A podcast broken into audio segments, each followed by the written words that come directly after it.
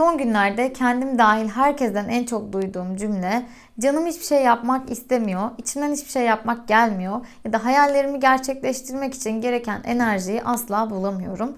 Bugün birazcık motivasyon hakkında konuşalım istedim.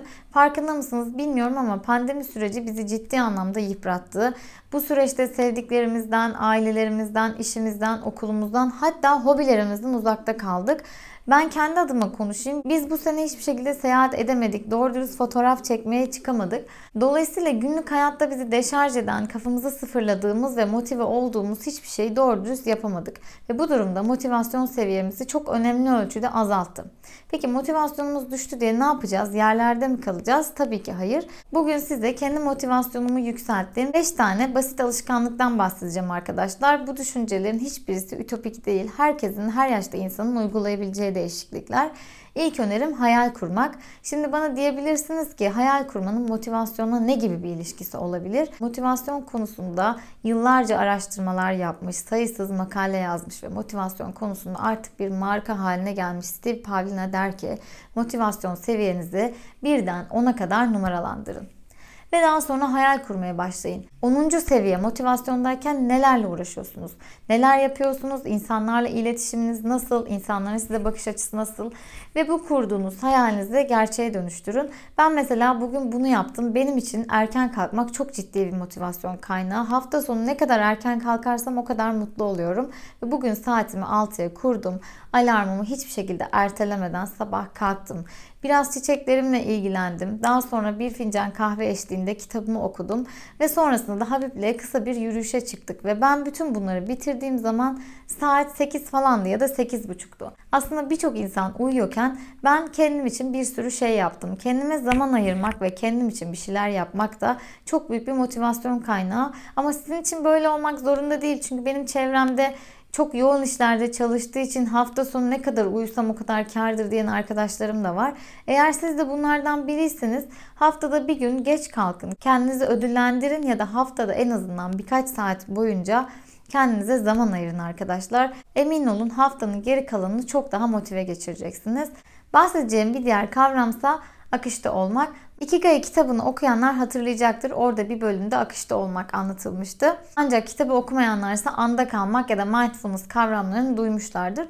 Aslında mindfulness kavramı üzerine ekstra çalışılması gereken bir konu. Ama anda olmak için, mindful olabilmek için yapacağımız çok küçük değişiklikler de var. Bunlardan en önemlisi aynı anda tek bir işe odaklanmak. Aynı anda birden fazla işi yapmak günümüzde çoklu görev ya da multitasking şeklinde çok havalı kavramlarmış gibi anlatılıyor ve verimliliğimizi arttırdığını zannediyoruz. Oysa ki yapılan araştırmalar aynı anda birden fazla işle uğraşmanın verimliliği %60, IQ seviyenizi ise en az 10 puan aşağı çektiğini göstermiş. A lot of people think they are good at multitasking, but the sad truth is they are probably not. Our brains on multitasking aren't nearly as good as we think they are.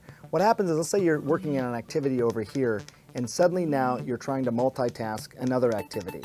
You're not actually doing both activities at the same time, but in fact, you're now diverting your attention from one part of your brain to another part of your brain.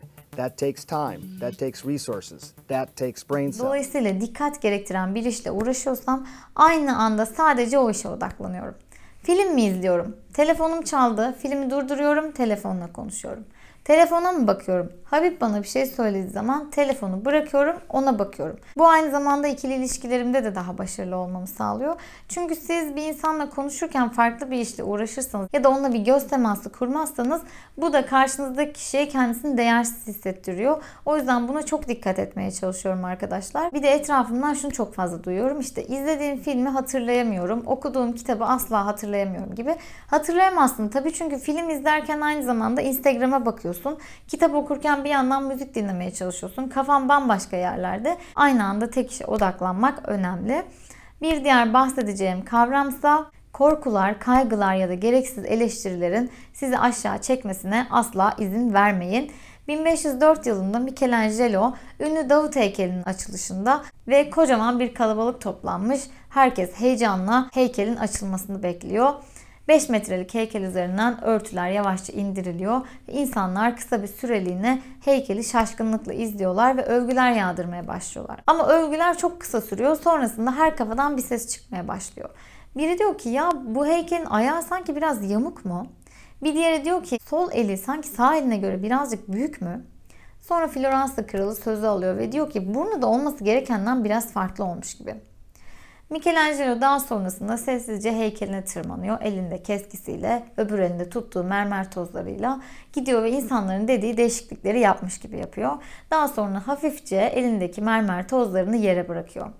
Ve sonra herkes heykeli tekrar övmeye başlıyor. Evet kesinlikle böyle çok daha güzel oldu. Evet kesinlikle daha güzel oldu. Peki Michelangelo kendisine yöneltilen bütün eleştirileri dikkate alsaydı ve herkesi memnun etmeye çalışsaydı, bununla ilgili bir kaygı yaşasaydı, ünlü Davut heykeli günümüzde bile hala bu kadar ünlü olabilir miydi? Bunun cevabını size bırakıyorum. Ve kendimle ilgili bir örnek vermek istiyorum. 6-7 ay boyunca YouTube'a hiç video yüklemedim. Bu aralarda farklı videolar çektim. Hatta bir kısmını editledim bile ama hiçbir şekilde YouTube'a yüklemedim. Bunun birden fazla sebebi vardı ama en önemli sebeplerinden biri de şuydu. Eskişehir'e taşınmıştık. Yeni bir ortama girmiştim. Yeni iş arkadaşlarım vardı ve dolayısıyla iş arkadaşlarım bir şekilde YouTube kanalımı öğrenirse beni eleştirirlerse, arkamdan konuşurlarsa ya da az abonem var diye benimle dalga geçerlerse diye bunun çok ciddi anlamda bir kaygısını taşıdım. Ve o yüzden YouTube kanal linkini Instagram'dan sildim. Hatta bir ara YouTube'daki bütün videoları kaldırmayı bile düşündüm. Ama içimde bir yerde hep YouTube'a video çekmek fikri vardı. Ve o yüzden bu düşüncelerimi, bu kaygılarımı bir kenara bıraktım. Ve gördüğünüz gibi şu anda da karşınızdayım. Size de tavsiyem hayallerinizin ve hedeflerinizin peşinde koşarken insanların gereksiz eleştirilerin, kaygılarınızın ve korkularınızın sizi alaşağı etmesine asla izin vermeyin. Bir diğer bahsedeceğim kavramsa güne bir görev tamamlayarak başlamak. Şimdi böyle görev deyince halledilmesi gereken çok büyük bir şeymiş gibi düşünmeyin. Kimisi için çiçekleri sulamak, kimisi için birkaç sayfa kitap okumak ya da kimisi için yatağını toplamak olabilir. Amerika Donanma Amirali bir konuşmasında dünyayı değiştirmek istiyorsanız yatağınızı toplayarak başlayın diyor. If you want to change the world, start off by making your bed. If you make your bed every morning, you will have accomplished the first task of the day. It will give you a small sense of pride, and it will encourage you to do another task, and another, and another. And by the end of the day, that one task completed will have turned into many tasks completed. Making your bed will also reinforce the fact that the little things in life matter. If you can't do the little things right, you'll never be able to do the big things right. And if by chance you have a miserable day, you will come home to a bed that is made. That you made. Çünkü bu size günün geri kalanında tamamlamanız gereken görevler için gerekli olan enerji ve motivasyonu sağlayacaktır diyor. Uzun bir süre ben de birçoğunuz gibi sabah kalktığımda telefonu elime alıyordum ve sosyal medya bildirimlerimi okuyarak geçiriyordum. Bir süredir bu alışkanlığı deniyorum. Sabah kalktığımda telefonu elime almadan önce gidip çiçeklerimi suluyorum. Vaktim varsa bir fincan kahve içiyorum. Hafta içi genelde vaktim olmuyor ama hafta sonu bir fincan kahve eşliğinde biraz kitabımı okuyorum. Ve bu bana gerçekten günün geri kalanında kendimi inanılmaz derecede iyi hissettiriyor arkadaşlar. Size de bunu yapmanızı tavsiye ederim. Bahsedeceğim son alışkanlıksa dağınıklıklarınızdan kurtulun. Her ne kadar dağınıklıkla yaratıcılık arasında bir ilişki olduğu söylense de bu benim gibi düzen takıntılı insanlar için asla geçerli değil arkadaşlar. Bununla ilgili bir sürü araştırma yaptım, bir sürü makale okudum ve birçoğu da fiziksel dağınıklıkla zihinsel dağınıklık arasında bir bağ olduğunu söylüyor. Yani dolayısıyla eviniz, odanız, özellikle çalışma alanınız dağınık olduğu zaman bu durumu sizin mental olarak da yıprattığını söyleyen çalışmalar var. Ee, sizin için durum nedir bilmiyorum ama ben bu duruma %100 uyuyorum. Hatta çok yakın bir zamanda bunun bir örneğini yaşadım. Beni yakından takip edenler hatırlayacaktır. Bir sadeleşme süreci içerisindeyim ve evdeki eşyaları bir şekilde eliyoruz. Ve elediğimiz eşyalar ulaşması gereken yerlere ulaşana kadar evde ortalıkta bir şekilde yer işgal ediyor. Ve biz bu esnada bir de halılarımızı yıkamaya gönderdik. Aman Allah'ım bu süreç benim için o kadar kötü geçti ki gerçekten halılar gelip evi eski haline getirene kadar, eski düzenimize kavuşana kadar ne doğru dürüst kitap okuyabildim, ne bir şey izleyebildim, ne canım bir şey yapmak istedi. Zararlı şeyler yemek, yatıp uyumak istiyordum. Sadece tembellik yapmak istiyordum. Ne zaman ki biz evimizi bir şekilde toparladık, temizledik, halılarımızı yerleştirdik. Benim motivasyon seviyem anında tavan yaptı. Eğer siz de benim gibi dağınıklıktan hoşlanmayan biriyseniz size naçizane tavsiyem yatmadan önce bir 15-20 dakikanızı yaşam alanınızı ve mutfağınızı düzenlemeye ayırın. İşte kırlentlerinizi yerleştirebilirsiniz. Yediğiniz içtiğiniz şeylerin bulaşığını makineye koyabilirsiniz. Ya da bizim evde mesela çok fazla ortalıkta kitap defter oluyor. Ben onları masanın üstüne ya da sehpanın üstüne kaldırıyorum. Ve sabah kalktığımda ev derli toplu olduğu zaman ben de kendimi iyi hissediyorum.